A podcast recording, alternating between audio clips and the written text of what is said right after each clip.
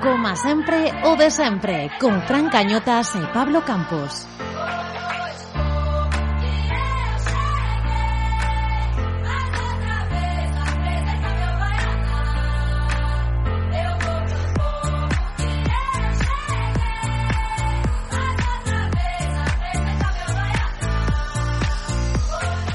Hola, hola, que tal, señoras e señores? Benvidos ao 28.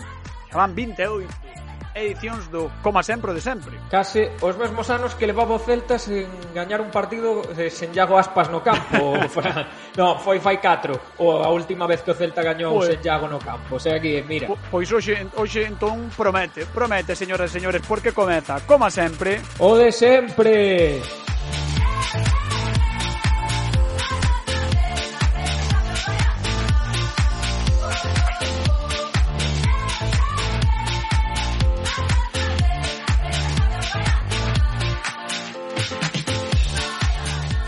Celta conseguiu os tres puntos na súa visita ao Estadio da Cerámica despois dunha primeira parte de tolos. O resultado final foi de 2 a 4.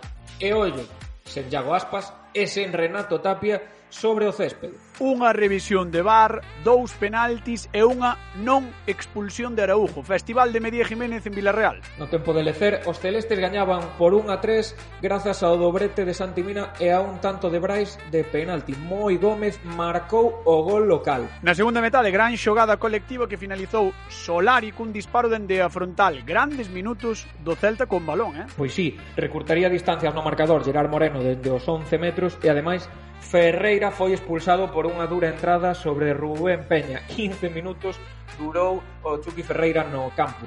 E por certo, debutou Carlos Domínguez na defensa e xa van cinco canteiráns que o fan este ano. Con esta vitoria os celestes son oitavos na clasificación a 5 do propio Villarreal e a 7 do Betis. Europa está difícil pero non imposible. No que respecta ao filial, derrota en Burgos contra o líder cun gol de Claudio Medina tras un saque de falta. Kevin Soni errou un penalti que despexou Barovero cunha boa Pois sí, os de Onésimo son segundos finalizaron segundos, mellor dito, nesta segunda fase. E, máis ben. Sí, sí, e disputarán o play-off de ascenso. O domingo, a partires das 8 e cuarto da tarde, Bilbao Athletic Celta B no Estadio Municipal de Villanovense. Bueno, estaremos aí todos pendentes do que pase, falaremos do Celta, do Celta B, de moito máis no noso tempo de análise.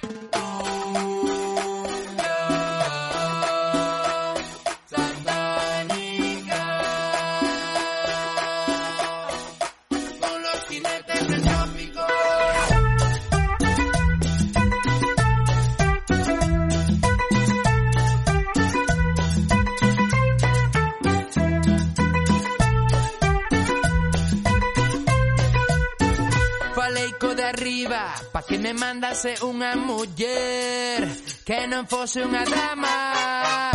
33 anos e non teño nada. Tiven que chamar ao diaño para atopala. Non me chegou con rezar a Jesucristo. Tiven que votar máis dun señor un pouco máis listo.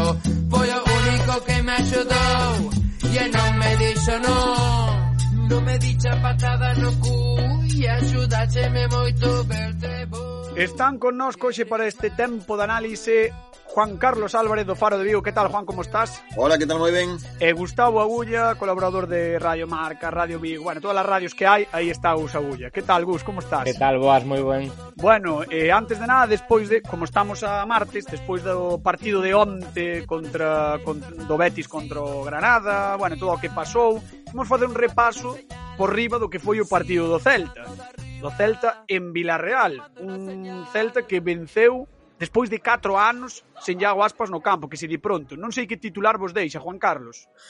Pois a mí pareceme que mm, o método de Coudet que vai asentándose de cara ao futuro porque a mí máis alado da victoria do, de cara ao que pode significar de cara a este final de, tem, de, de tempada, a mí o importante é que o equipo vai tendo unha serie de automatismos, unha, unha serie de mecanismos que, que fan ilusionarse de cara ao que, o que está por vir todavía, non? O que, te, o que, o que chegará o próximo ano, que me parece bastante ilusionante, e creo que é moi importante máis alado onde acabe o Celta, séptimo, sexto, octavo, eh, noveno, décimo, é o tema de que a idea de Coudet eh, coaje e que os jogadores cada vez eh, entendan mellor. E o, o, o partido do Villarreal parece un exemplo perfecto de que as cousas van por moi bo camino. camiño. Sí, sí, parece que, que van callando pouco a pouco. E para ti callan ou non callan, Gus? Esa é a clave. Que penso que xa non é a primeira victoria ou unha victoria sen Iago Aspas, senón a forma de, de conseguila. Eh, evidentemente, habería que falar do, do tema arbitral, pero fora diso, o Celta foi capaz de crear perigo, de, de crear cousas arriba, de que Santi Mina, Brais eh, brillasen sen Iago Aspas no campo. Eso creo que que é o ilusionante eh, co que hai que quedarse, non? Falaremos agora as posibilidades de Europa, pero todos sabemos que son bastante remotas, pero que isto comeza a ser a construcción do Celta do ano que ven que espero que ilusionenos a todos, eh, e a mí ilusioname eh, moitísimo ver este Celta con esta capacidade de crear cousas arriba sen, sen Iago Aspas, cousa que parecía xa non fai tres meses, senón fai dúas semanas eh, parecía imposible que fóramos a Vilarreal sen Tapia, sen Aspas ou hasta sen Murillo e conseguiremos gañar e convencer encima. Pois sí, falando un pouquiño do partido, sobre todo desa primeira metade, dous penaltis, unha posible falta no segundo gol, a non expulsión de Araujo, vai a primeira metade de, do señor Medie Jiménez que eh, case case eclipsou un pouco o, o gran primeiro tempo do Celta, non, Juan Carlos? Sí, a verdade que eh, para nós, por exemplo, quedamos nunha especie de anécdota, non? Porque ao final é verdad que o tipo eh, non tiña o mellor día, porque a verdad que non daba unha. E o bar corrixindo todo o rato, e a verdad que eh, logo, ao final as decisións que se tomaron coa axuda do bar, evidentemente, eu creo que todas foron máis ou menos eh, as, que, as que correspondían. O problema é a actuación do, do, do, do árbitro, non? de Medie, que evidentemente non tomou unha decisión no campo eh, sensata. Pero bueno, pero para eso está o bar, non? O bar precisamente está para corregir estas tropelías que a veces fan os árbitros no campo, no? E, e tanto que se está prostituindo o, o artiluxo eh, nas últimas horas por culpa das polémicas que sempre rodean a Real Madrid e a Barcelona, máis alá eso o partido do Villarreal eu creo que ao final é un exemplo de que o VAR está para, para, para, para corresir o, o que non o que non é, no? Pero bueno, pero para nós eh, sinceramente é unha especie de anécdota, porque ao final o, o que con que nos quedamos é co, co a primeira parte sobre todo do Celta que pareceu espectacular en todos os sentidos. Eh, tanto na salida da pelota, tanto na presión, que me parece que o equipo presiona cada vez mellor mellor eh, ten unha voracidade para recuperar a, a, a pelota cando a perde no campo no campo do rival. Eh, todos os xogadores están implicados nesa, nesa tarea e pareceme que, que esa é a gran noticia do partido. O de Medie, pois un despropósito do, do, do colexiado que felizmente foi correxido polo, polo bar Sí, pero bueno, eu creo, eu creo que accións como ou partidos como, a, como a desta fin de semana eh, deixan moi en bragas eh, o estamento arbitral no sentido de que, que te teñan que corregir tantas veces, claro, non dá moi boa imaxe de, de un árbitro ou dos árbitros en xeral como, como colectivo. Eh, o problema, ou creo que o principal problema, claro, agora resulta que é importante porque porque lle pasa ao Madrid ou porque lle pasa ao Barça ou ao Atleti están loitando pola Liga, pero é que isto ven sendo unha constante durante 35 jornadas que levamos Non, eh, eu creo que... uf, non sei, non sei se si é, si é que hai que tocar algo, as circulares ou o que sexa, pero a realidade é que está, parece que dá casi máis problemas que solucións, moitas veces, aínda que neste caso é certo que aportou solucións porque senón estaría Araujo no banco, o sea, bueno, expulsado, eh, non habería o penalti, sería falta fora, bueno, eh, todas as circunstancias que rodearon o partido, pero pero sí que é certo, non sei como se sentirán os xogadores, porque eu sentiríame un pouco pff, sempre a expectativa, a ver que é o que pasa. Non sei que vos parece a vos, Gus. Segue sendo complicado, non? Estamos, creo que todos nun proceso aínda de adaptación, incluídos os árbitros, non? Eh, todos sabemos que, que agora mesmo segue sendo moi raro celebrar un gol e ten que esperar. Moitas veces, a veces vemos cousas que parecen evidentes e, eh, e tardan dous, tres minutos en, en arranxalas. Eh, é certo que, que todo parece que non encaixa de, de todas maneiras posibles, que non encaixa ben, pero eu sigo crendo na, na, na plataforma ou no sistema, non? Creo que hai que melloralo, eh, creo que os árbitros teñen que deixarse escudar tanto niso porque se te teñen que corregir tantas veces, se González Fuertes ten que corregirte tantas veces e que estás facendo as cousas eh, realmente mal, non? Creo que hai que mellorar, te, que, creo que hai que axustar, pero eu sigo pensando que, que o sistema pode funcionar e pode mellorar o fútbol, porque é o que dicimos, é que eh, eu teño a dúbida, sobre todo no, na falta de, de Nolito, que a min pareceme falta, como tampouco temos unha explicación de por que o árbitro considerou que eso non era falta ou non influía na xogada, eh, pero creo que no resto de cousas máis ou menos acertou. Tiña dúbidas no penalti da Senjo e cada vez que vexo máis repeticións dame a impresión de que, de que sí que é, eh, e ao final resolveu problemas que, que o árbitro non vira no campo, non? E, eh, e eh, mm. creo que, que acabou mellorando e impartindo xustiza dentro do que cabe con a miña dúbida do que creo que é bastante importante da, da falta de Nolito. Eu, eu creo, creo que o sistema creo... Sí, sí, no, decía que eu creo que eh, probablemente nin os xogadores, nin os adestradores saiban realmente eh, cando se, non cando se aplica ou non, senón esas xogadas que son pois difusas ou que están sempre nesa liña gris, non? Que cabe máis a interpretación do árbitro e incluso do árbitro do bar, eh, eh, eu creo que nin os xogadores saben moi ben por onde van sair porque, por exemplo, as declaracións de Albiol ao acabar o partido eh, son un síntoma de que está cabreado, pero con que está cabreado porque realmente se si ves, si ves a, a, a, a videoarbitraxe que se fixo desas xogadas, pois pues está ben aplicada. Despois, as declaracións de Rakitic, por exemplo, ao acabar o partido contra o Madrid, no, si tocan la mano, todo é mano. Pois ala, veña. Pois xa, o sea, quero dicir, eu creo que ao non haber un criterio unificado, ao non saberse claramente en que posición man, man é man ou eh, cando se ten que aplicar o VAR, aínda que os supostos están moi claros. Eh, non sei, eu creo que fai que haxa unhas, unha sombra, unha sospeita xeralizada que o millor nada ten que ver coa realidade. O millor non, non, non hai por que tela. A min dame esa, esa impresión, Juan Carlos. A mí pareceme que o exercicio, o exercicio, de hipocresía que a veces fan os xogadores e os adestradores é indignante, é un, un dos grandes problemas do bar. É dicir, eles ten, teñen que saber perfectamente en que supostos teñen que entrar o bar, eh, cando entra, cando non entra, porque entra e eh, eh, as decisións que toma. Eu estou de acordo en que hai moitas cousas que asustar, como di Gus, e eh, ese é o principal sí, sí. tarefa dos próximos anos, evidentemente. E, por exemplo, en xugadas de interpretación, como o tema das mans, é verdad que posiblemente o, o o, gran lunar, no? É a gran laguna que hai agora mesmo co tema do, do bar, no? Porque unhas veces unhas mans, a man está por encima da axila, a man non está por encima da axila.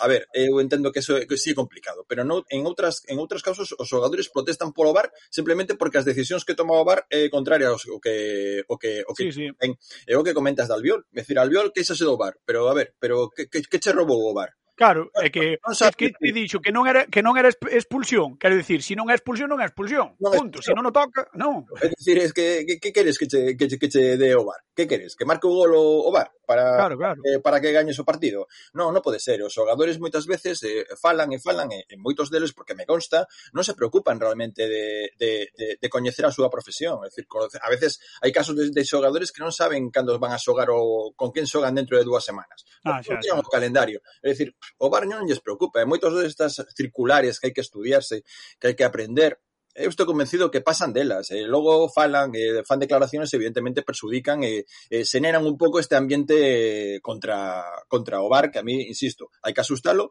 pero unha era unha ferramenta que vai dar moito, moito, moita axuda ao mundo do fútbol no futuro. Sí, parece que é unha un pouco cousa de todos, non? Que fomos creando un pouco esa sombra sobre sobre a ferramenta e ao final, bueno, pois estamos como estamos. Campos, todo teu. Bueno, volvendo un pouco ao tema do partido do xogo que comentaba antes, creo que era Juan Carlos, eh, gañouse en Villarreal sen Iago Aspas nin Tapia, pero cun, cun espectacular Brais Méndez, Denis Suárez, Santi Mina e eh, Santiago Solari. A verdade é que mm, un dos méritos do, deste Chacho Coudet eh, en atoparlle o sitio a estes determinados xogadores para que a dependencia de Aspas e agora tamén de, de Renato Tapia non sexa tan grande, non crees, Juan Carlos? Pois sí, sin dúbida. Eh, hai uns días eh, entrevistábamos nos a Denis, bueno, unha declaración que xa é eh, bastante recurrente no, no Celta nos últimos meses, no? Eh, decía algo tan sencillo como que sí, que Coudet cambiou moitas cousas, que cambiou a mentalidade de moitos xogadores, pero que basicamente o que fixo foi poner a poñer a cada un a xogar onde, onde debe. Eu creo que era o gran debe de, de Óscar, máis alado de, de outras decisións e de outra filosofía, outra forma de entender o, o seu traballo, non? Que o problema do Celta é que moita xente non xogaba onde podía rendir, non xogaba onde onde podías explotar as súas condicións. E Coudeto que fixo foi máis ou menos é verdad que o seu esquema habitual eh, adaptábase moi ben ao, ao tipo de futbolista que, que tiña, pero basicamente o que fixo foi eso. Limparlles a cabeza de moitos de moitos fantasmas, eh, poñerlos no, nas posicións onde onde dan mellor rendimento E logo, evidentemente, inculcar esta, esta ambición, esta voracidade, non? E vese na, na actitude de, de Cudén no banquiño, non? Eh, non é a típica dun adestrador que está pensando que a temporada xa está rematada, que máis ou menos ten o traballo feito, que hai que empezar a pensar nos, no que ten que vir dentro dun, duns meses, non? Está vivindo os partidos como se fose un, auténticas finais, eh, e todo iso contase, Sí ao final os xogadores van a presión de outra maneira, pois porque ven o adestrador pegando gritos que pega.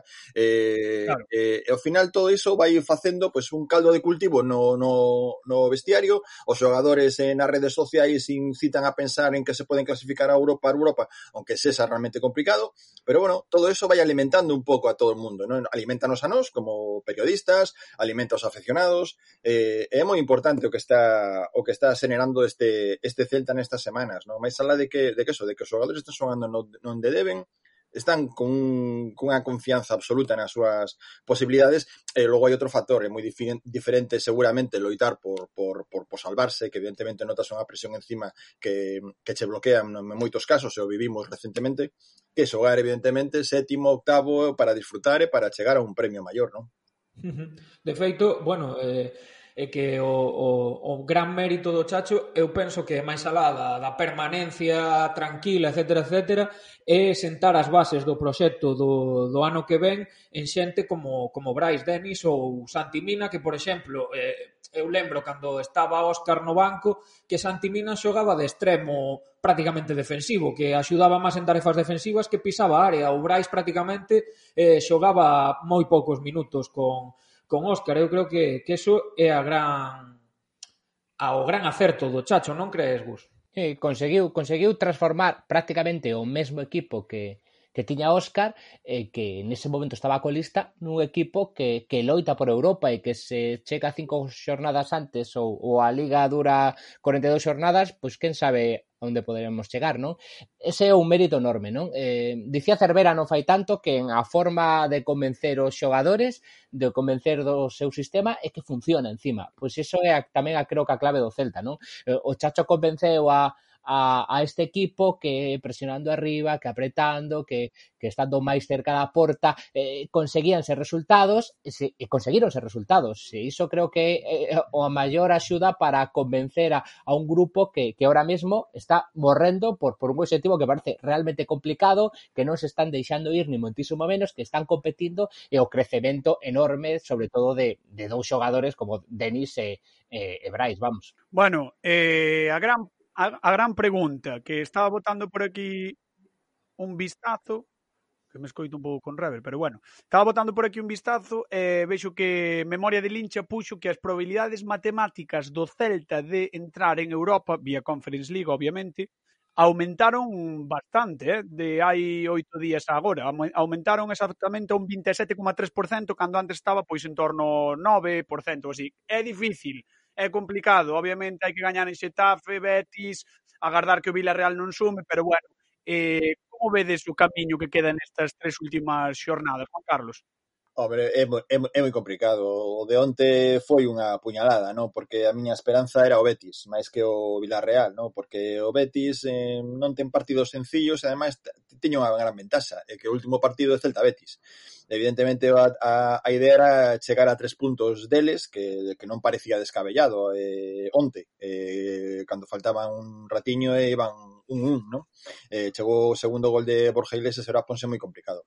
Bueno, o Celta ten que facer nove puntos, eh, despois de facer nove puntos, que é moi difícil, evidentemente, eh, logo esperar. E se fai os nove puntos, eu creo que hai unha posibilidade. Eu creo que hai unha posibilidade de que o, o Villarreal non sea, non sexa capaz de, de, de chegar a, a, a facer os puntos necesarios para, para quedar por diante do, do Celta. Bueno, é difícil, eh, o sabíamos dende hai moito tempo e aí está, o Celta buscando unha utopía pero ah, a persigue con ilusión e iso é, é realmente o reconfortante. Gus? Hai que intentar tirar a porta e da que a porta este moi, moi, moi lonxe, non? Eh, parece mm. moi difícil. Eu, como Juan Carlos, creo que a esperanza era onte, porque parecía factible que un empate chegara a tres puntos do Betis da redadeira xornada e xogalo todo a unha carta, non?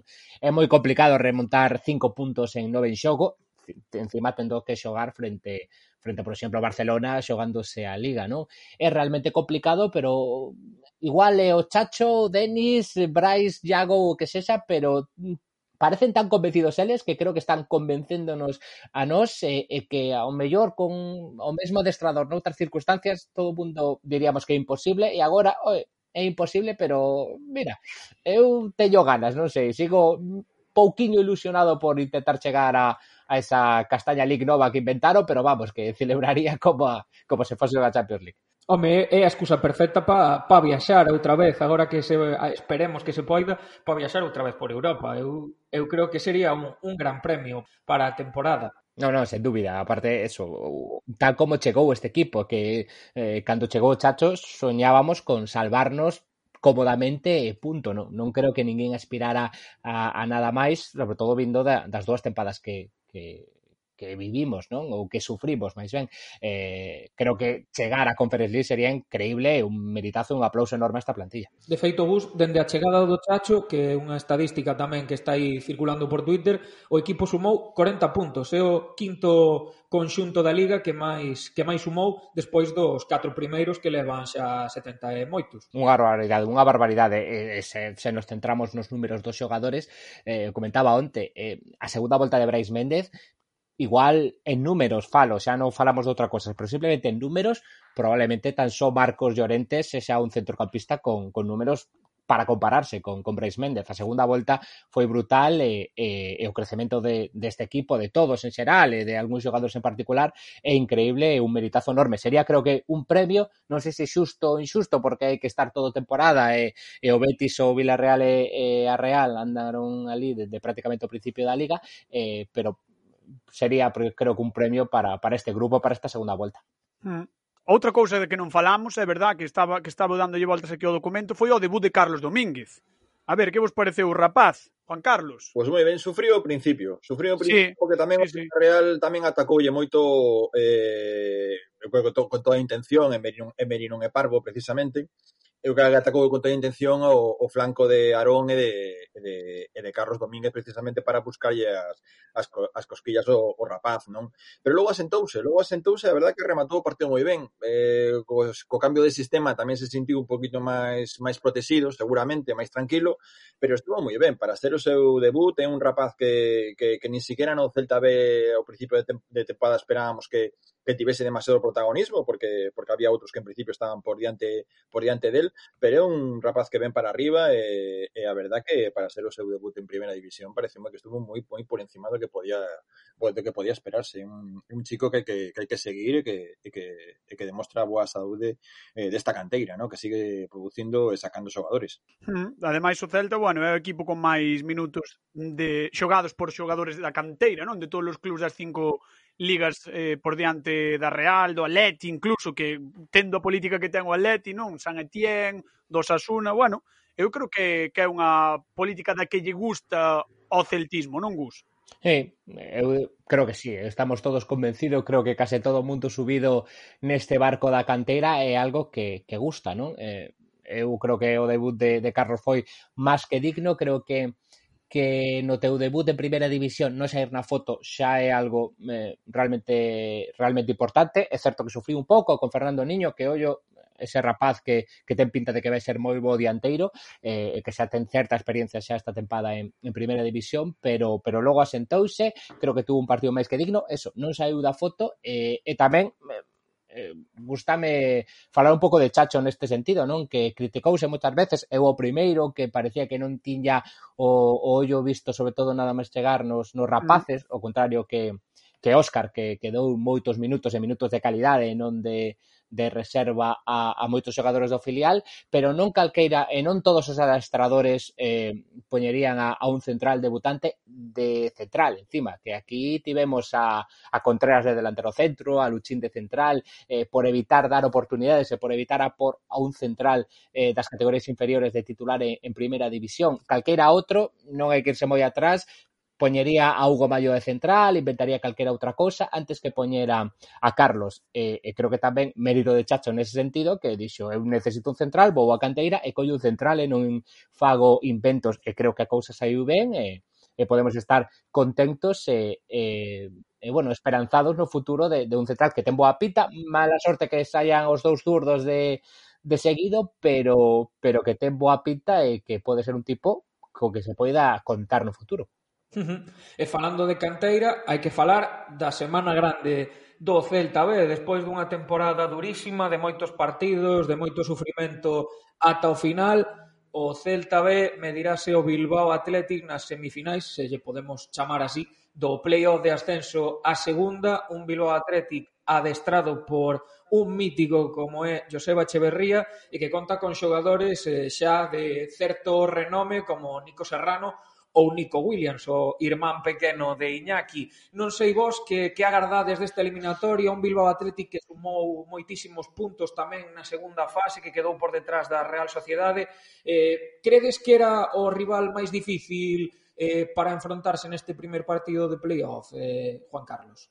o máis difícil seguramente, seguramente é difícil de decirlo, ¿no? Eh, tendo en conta que, que o, non, lle, non lle podía tocar ningún primeiro, ¿no? Que os primeiros hai, hai verdadeiros demonios aí para, para ascender, para pelear polo, polo ascenso é dos complicados, evidentemente, pero bueno, pero eu creo desde un principio levo dicindo que o, Cel o Celta ve o sistema de competición, esta forma de resolver o ascenso eh, é boa para el, porque os equipos filiais xogai de volta, eh, posiblemente xogar a volta fora de casa, eh, é moi complicado. Eh, demostrouse en, en anteriores experiencias que tivo o Celta B con moi bons equipos tamén, o Panda Team e todos aqueles eh, e pareceme ben, a mí gustame que xogue contra un filial. Eh, un equipo xoven, eh, un equipo que evidentemente inexperto neste tipo de, de partidos, e o Celta B ten un poquinho máis de cuajo, non? Eh, ten xente un poquinho máis maior, xente que pode estar máis máis bregada, e que nesta situación pode pode xogar, pode xogar mellor ou pode estar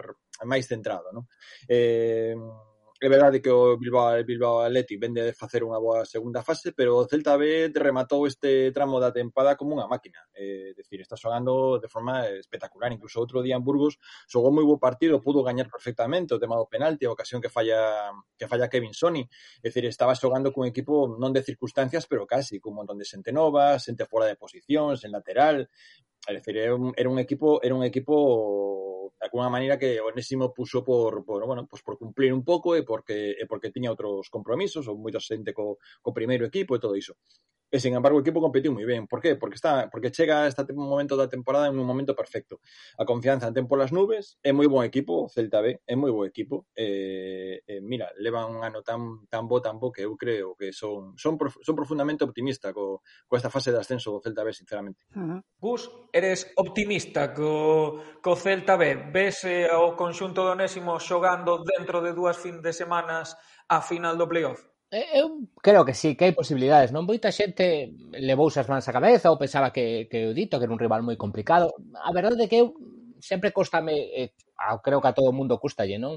Eh, valorar entre diferentes grupos o nivel non é o mesmo un grupo que outro, un estilo, uns campos, cada grupo ten certas características, a veces é moi complicado valorar o nivel de uns e, e de outros ata que se enfrontan entre sí, non? Pero de primeiras gustame que sexe un filial, que non sexa un equipo xa moito máis curtido, con máis experiencia, un equipo máis ou menos como a nós, incluso vendo a, a idade media do 11 titular, o que decía Juan Carlos, e temos un equipo pois, con un poquinho máis de idade, non moita máis, pero si sí un poquinho máis de idade, e ten moito xogador de 19, 20 anos, son do Bilbao Athletic.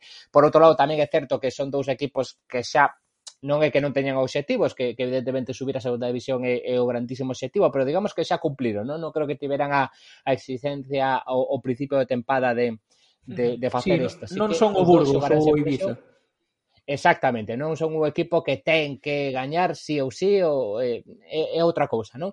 Así que nese aspecto eu prefiro personalmente xogar contra contra o teu filial de, de tú a tú, Lezaba contra contra Madroa, que ter que enfrentarse a, a un equipo moito máis curtido que con outros obxectivos. Así que, por que non? A un partido pode pasar eh, tantísimas cosas e, e o nivel que ha demostrado o Celta neste final de Liga, sobre todo xogando a domicilio, curiosamente, como vai ser toda a fase, eh, creo que creo que é moi bo e eh, eh, como mínimo gañaron o, o respeto de, de todos nós e gañaron que, que, que estemos pendentes dese partido, que teña algún amigo que, que vai facer a locura de ir a Extremadura a, a ver os partidos.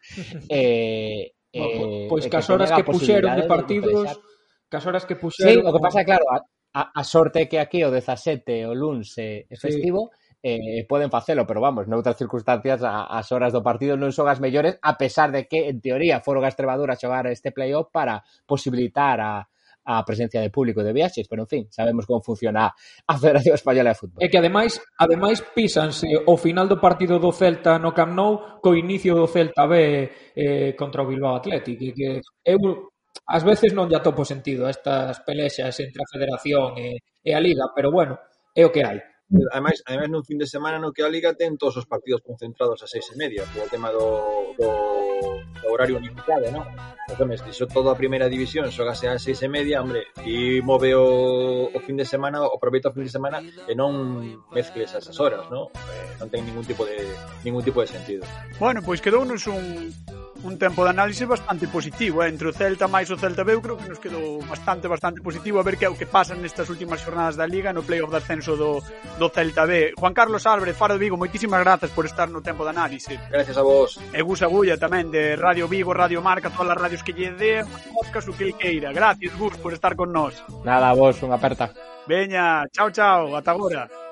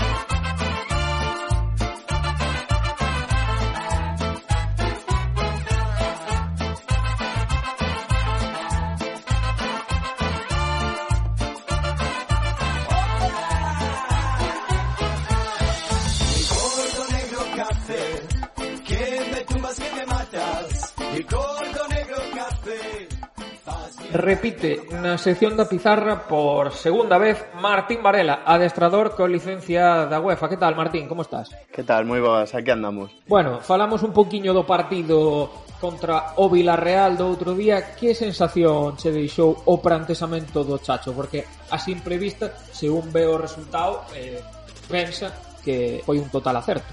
Sí, sí. Para min foi un total acerto, sobre todo pensando en que, en que Tapia, Tapia xa seguramente non xogue no resto de, do que queda de tempada, eh, con Fran Beltrán que, que foi titular no, na posición de pivote, sendo un pivote moi diferente a Tapia, penso que, que como dixo Chacho, fixeron o 100% ou casi o 100% o que traballaron durante a, a semana e notouse, porque Ademais, eh, os xogadores de tres cuartos como Solari, que acababa de entrar de titular por primeira vez na tempada e demais, fixeron un partidazo descomunal. Brais, que para min foi o mellor xogador do partido de largo, eh, foron foron moi, moi, moi importantes na, na recuperación de balón, na, na presión, estiveron moi intelixentes, e así foi que, que Fran non tivo tanto traballo aí nesa zona que suele ter Tapia. Mm eh, precisamente sen Tapia nin Iago. Era, era a incógnita que tiñamos todos, xa falamos antes na, no tempo de análise. Que, que cambios biches ti respecto a cando están eles dous de titulares? Eu penso que a hora, de, a hora da presión foi un equipo moito máis agresivo porque penso que todos, todos vemos as, as diferenzas tan grandes que hai entre, entre Tapia e, e Fran Beltrán como pivotes E, e bueno, eu penso que eles entenderon tamén e saben perfectamente que canto máis arriba se roube, menos traballo vai a ter Fran Beltrán, canto máis arriba se roube a, a zona de creación do Villarreal vai a ser máis atrás, e eso vai a, vai a favorecer que, que Fran non teña tanto traballo defensivo que o mellor en o que no mm. que máis peca porque non é o, o xogador que todos temos na cabeza como un Renato Tapia durante ta, mm. durante toda a temporada que, que ocupa casi de banda a banda o, o campo sendo el so, na súa posición. Mm. E arriba? Arriba, arriba eu penso que Brais eh, doulle unhas cousas moi diferentes a Iago. Iago sí que, sí que é certo que ten, é un xogador con liberdade, un xogador que, que fai ás veces ese xogador de media punta, de xogador de banda, pero eh, aínda que parezca que non, os anos xa van pesando e o mellor as conduccións esas endiañadas que, que facía antes e que agora fai Brais que fixo, que fixo Villarreal, pois xa o mellor non as fai, o mellor é máis de último pase, máis de máis de que o mellor saca ese último pase da chisteira como fixo outro día con Brais e que, que claro, bueno, pois Brais eh, ten outras cousas, a velocidade, eh, esa que tanto, tanto a xente di que, que non corre, que non, non presiona, que non... Bueno, pois eu penso que foi, neste caso, foi o máximo expoñente diso que, que tanto se, se queixa a xente. Falando un poquinho máis de, de Fran Beltrán, quedou claro xa despois deste partido que a súa posición é a de pivote. O problema que ten é que diante del eh, xoga un home como Renato Tapia, pero onde mellor está rendindo Fran Beltrán no Celta de Vigo en esa posición de, de, de cinco único, non, Martín? Sí, sí, sí, sí, sen dúbida a súa posición por, por citar o, o noso amigo Igarro, o, o Greg Igarro, eh, a posición, Fran Beltrán é pivote ou non será, o futuro de Fran Beltrán é ser pivote ou non será. Eh, eu penso igual que eu penso igual que Iván, a verdad. Eh, é a súa posición, penso que se sinte moitísimo máis cómodo, eh, moitísimo máis cómodo tamén nos partidos no contexto adecuado donde poida ter balón, donde poida axilizar a, a circulación de balón, lanzar o contraataque, eso que donde onde el eu penso que mellor se, se sinte. Nos partidos nos que o Celta debe estar en bloque en bloque baixo por poñer un exemplo igual contra o Barcelona, o mellor que che pode monopolizar a, a posesión e te encerra un poquinho máis atrás, seguramente aí non se sinta tan cómodo. E aínda así, na segunda parte que houve esa situación eh, frente ao Villarreal, eu penso que estivo bastante cómodo, aínda así, pero bueno, tamén un pouco levado, supoño eu, a, a agradar a Coudet, xa que lle deu a oportunidade, xa que tivo el oportunidade porque non hai máis xogadores nesa posición coa cesión de, de Okai ao West Bromwich Albion. Entón, bueno, pues, eu penso que a situación era era axeitada para, para Beltrán e todo se lle puxo de cara e el fixo un partido de non vou a decir de 9, pero seguramente de 7, 7,5 seguramente, sí. Tamén falando doutro xogador que cambiou radicalmente non vou dicir o seu estilo de xogo, pero sí que cambiou radicalmente os seus números, é Santi Mina, e beneficiado tamén porque agora Santimina eh, pisa moito máis o área rival, está máis preto da portería que é onde ten que xogar e onde pode marcar as diferencias, porque recordamos que a principio de temporada con Óscar eh, xogaba nesa posición de, de extremo de, que era un pouco máis eh, defensivo ou alternaba bastante co banco, igual que Brais. Eu creo que, que un dos grandes méritos do Chacho é ese pasiño adiante que conseguiu que deran certos xogadores como Mina Brais ou incluso Hugo Mayo. Exactamente, sí. De feito, recordo que falamos aquí fai un par de semanas ou tres que, que dicíamos eh, sobre Santimina que, que o principio de tempada xogaba eh, acostado unha banda. Eh, bueno, eh, coa, decía, recordo que dicía o de o de coa mutación esta física que sufriu en Valencia de, de poñerse así tan tan forte demais, seguramente mm, eses músculos pesan moito máis, eh, seguramente non sexa ese xogador extremo de aquel partido contra o Rayo, de aquel Santimina eh, esbelto, máis delgado, menos pesado que, que xogaba pegado á banda, como cando subiu do juvenil e do, e do Celta B, pero eh, eu penso que agora deu, deu un paso adiante con, con Coudet e ao final a confianza é o todo a confianza eh, de, de non xogar nada, de, de pensar que iba a ter un rol totalmente secundario a ser o, o segundo máximo goleador do equipo a tres goles de, de Iago Aspas, eu penso que seguramente nin el pensaría que, que chegaría a esas cifras e non só as cifras, sino a sensación, porque cando Santi Mina falta eh, pff, falta o 30% do equipo, notase un montón, un montón. Eu nunca pensei que, que se fora notar tanto, sendo sincero. Temos que falar tamén da canteira, non? Porque debutou Carlos Domínguez. Que sensacións che, che deixou o rapaz? Moi boas, moi boas. Eu penso que sempre unha boa, unha boa nova que, que os rapaces suban, teñan a súa oportunidade. Tamén é un efecto chamada para, para que os, os xogadores xóvenes o mellor que teñan un, unha opción de, de entrar na canteira do Celta poidan, poidan elexilos e, e Carlos Domínguez eh, un central que, que no Celta B xa, xa está sentado, xa ten a, a confianza do Onésimo, aínda que o mellor vai alternando, agora non que non ten a Ferrares, pero iba alternando entre Ferrares e, e Markel, e, bueno, iba cambiando os centrais. Pero sí mm. que sí que é un central que, que de perna zurda, lateralidade zurda, eu penso que eso tamén lle deu a, acoude na circulación de balón moita velocidade, cando viña o balón de, de Hugo Mayo, Araujo e tiña que seguir circulando hacia Arón, non é o mesmo ser diestro que ser zurdo, entón esas cousas son pequenos detalles que o mellor pois non, tampouco pensas que, que che poidan dar moito, pero sí que sí que che dá a hora de lanzar o contragolpe, dun cambio de orientación a zona libre, sí que sí que se nota moito. E foi de menos a máis. Eu penso que hmm. era o lóxico que todos o que todos esperábamos.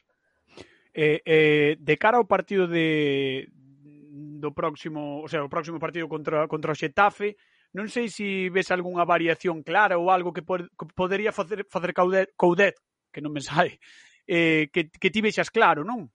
Bueno, eu supoño que o, o cambio que pode haber, se si está ben que non o sei, será a entrada de Iago Aspas. Eh, Brais Arriba, un xogador perfectamente válido, con, con moito movimento, moi dinámico, eh, cambiase moito a posición con, con Santimina, invita moito a, os, os equipos, eh, por exemplo, indo ao partido do Villarreal, poñíanse Santimina que diestro eh, de punta dereito, Brais de punta esquerdo, a perna natural ambos se invitaban a, os xogadores do Villarreal a pasar hacia, hacia a zona do centro facer os pases hacia o carril central e aí donde todo o mundo acumula tanta xente, donde o Celta acumula tanta xente, perdón, eh, e donde, donde eran tan agresivos e roubaban balón.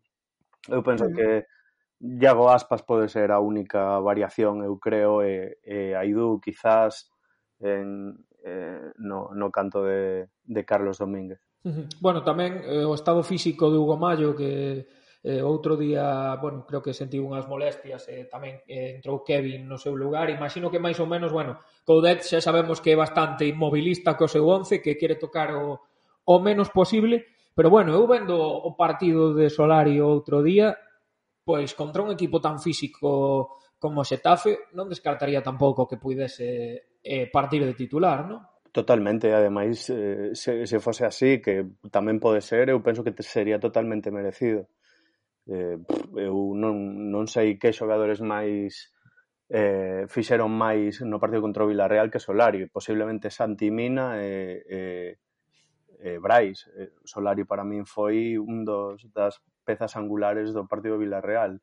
Os primeiros 10 minutos eu penso que recuperou 4 balóns sendo sendo superagresivo en distintas zonas, que ademais tampouco se lleve un xogador superfísico físico, eh, de, de un atleta e, e, sin embargo, foi, foi peza fundamental. Eu penso que distí si o é, que, que pode ser que o sexa polo partido que se lle pode presentar, todos sabemos como xoga o, o Xetafe, posiblemente teña a oportunidade de ser titulares sería totalmente merecido, sí, sí. Uh -huh. Relación calidade de precio, a fichaxe de Solari eh, é eh, un 10 prácticamente para Miñambres. Sí, sí, para Miñabres e para Coudet, porque ao final temos que recordar que foi unha petición expresa del, ás veces eh, por non coñecelo, por non ser un xogador tan glamuroso, tan estiloso no que fai, eh, pensamos que vai a ser un xogador de, bueno, entrar nas segundas partes 15 minutiños, chegou por poucos cartos, e, eh, eh, todo o contrario, está aí para un currante como, como poucos hai no, no plantel, polo que parece.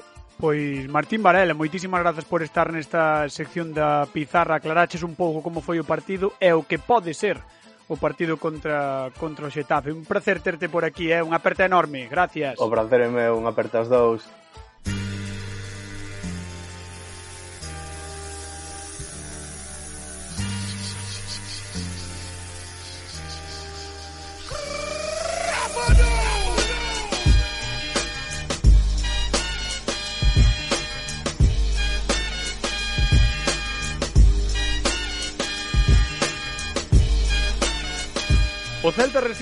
Mércores ao Xetafe en Balaídos, os de Bordalás son 15 con 34 puntos, 4 máis que o descenso. Vamos a ver, se vai ao Xetafe tampouco é unha desgraza, nin a morte de ninguén, que credes que vos diga?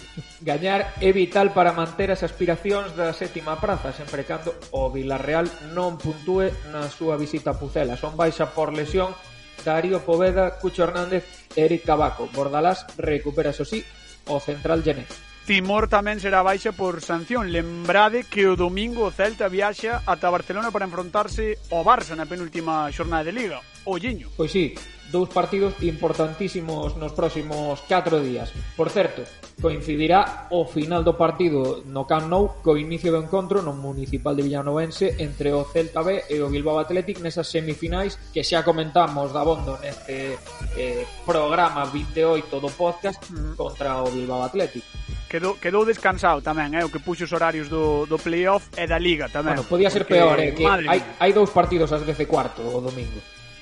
Sí, sí, sí, isto, isto, é, isto é un cachondeo. Bueno, señoras señores, ata aquí chegou este 28, como sempre de sempre, estamos bordeando os 30 programas, eh, Campos. Casi nos vai coincidir o 30 co final de Liga. Aí vai andar. Eh, estamos bordeando os 30 programas e ti estás bordeando os 30 anos, Fran. O sea, que... Os 30, sí. Está aí a Como se me nota na cabeza, cada vez máis. Señoras, señores, ata aquí chegou o programa. Vémonos a semana que ven. Chao, chao. Ata a próxima. Como sempre o de sempre, con Fran Cañotas e Pablo Campos.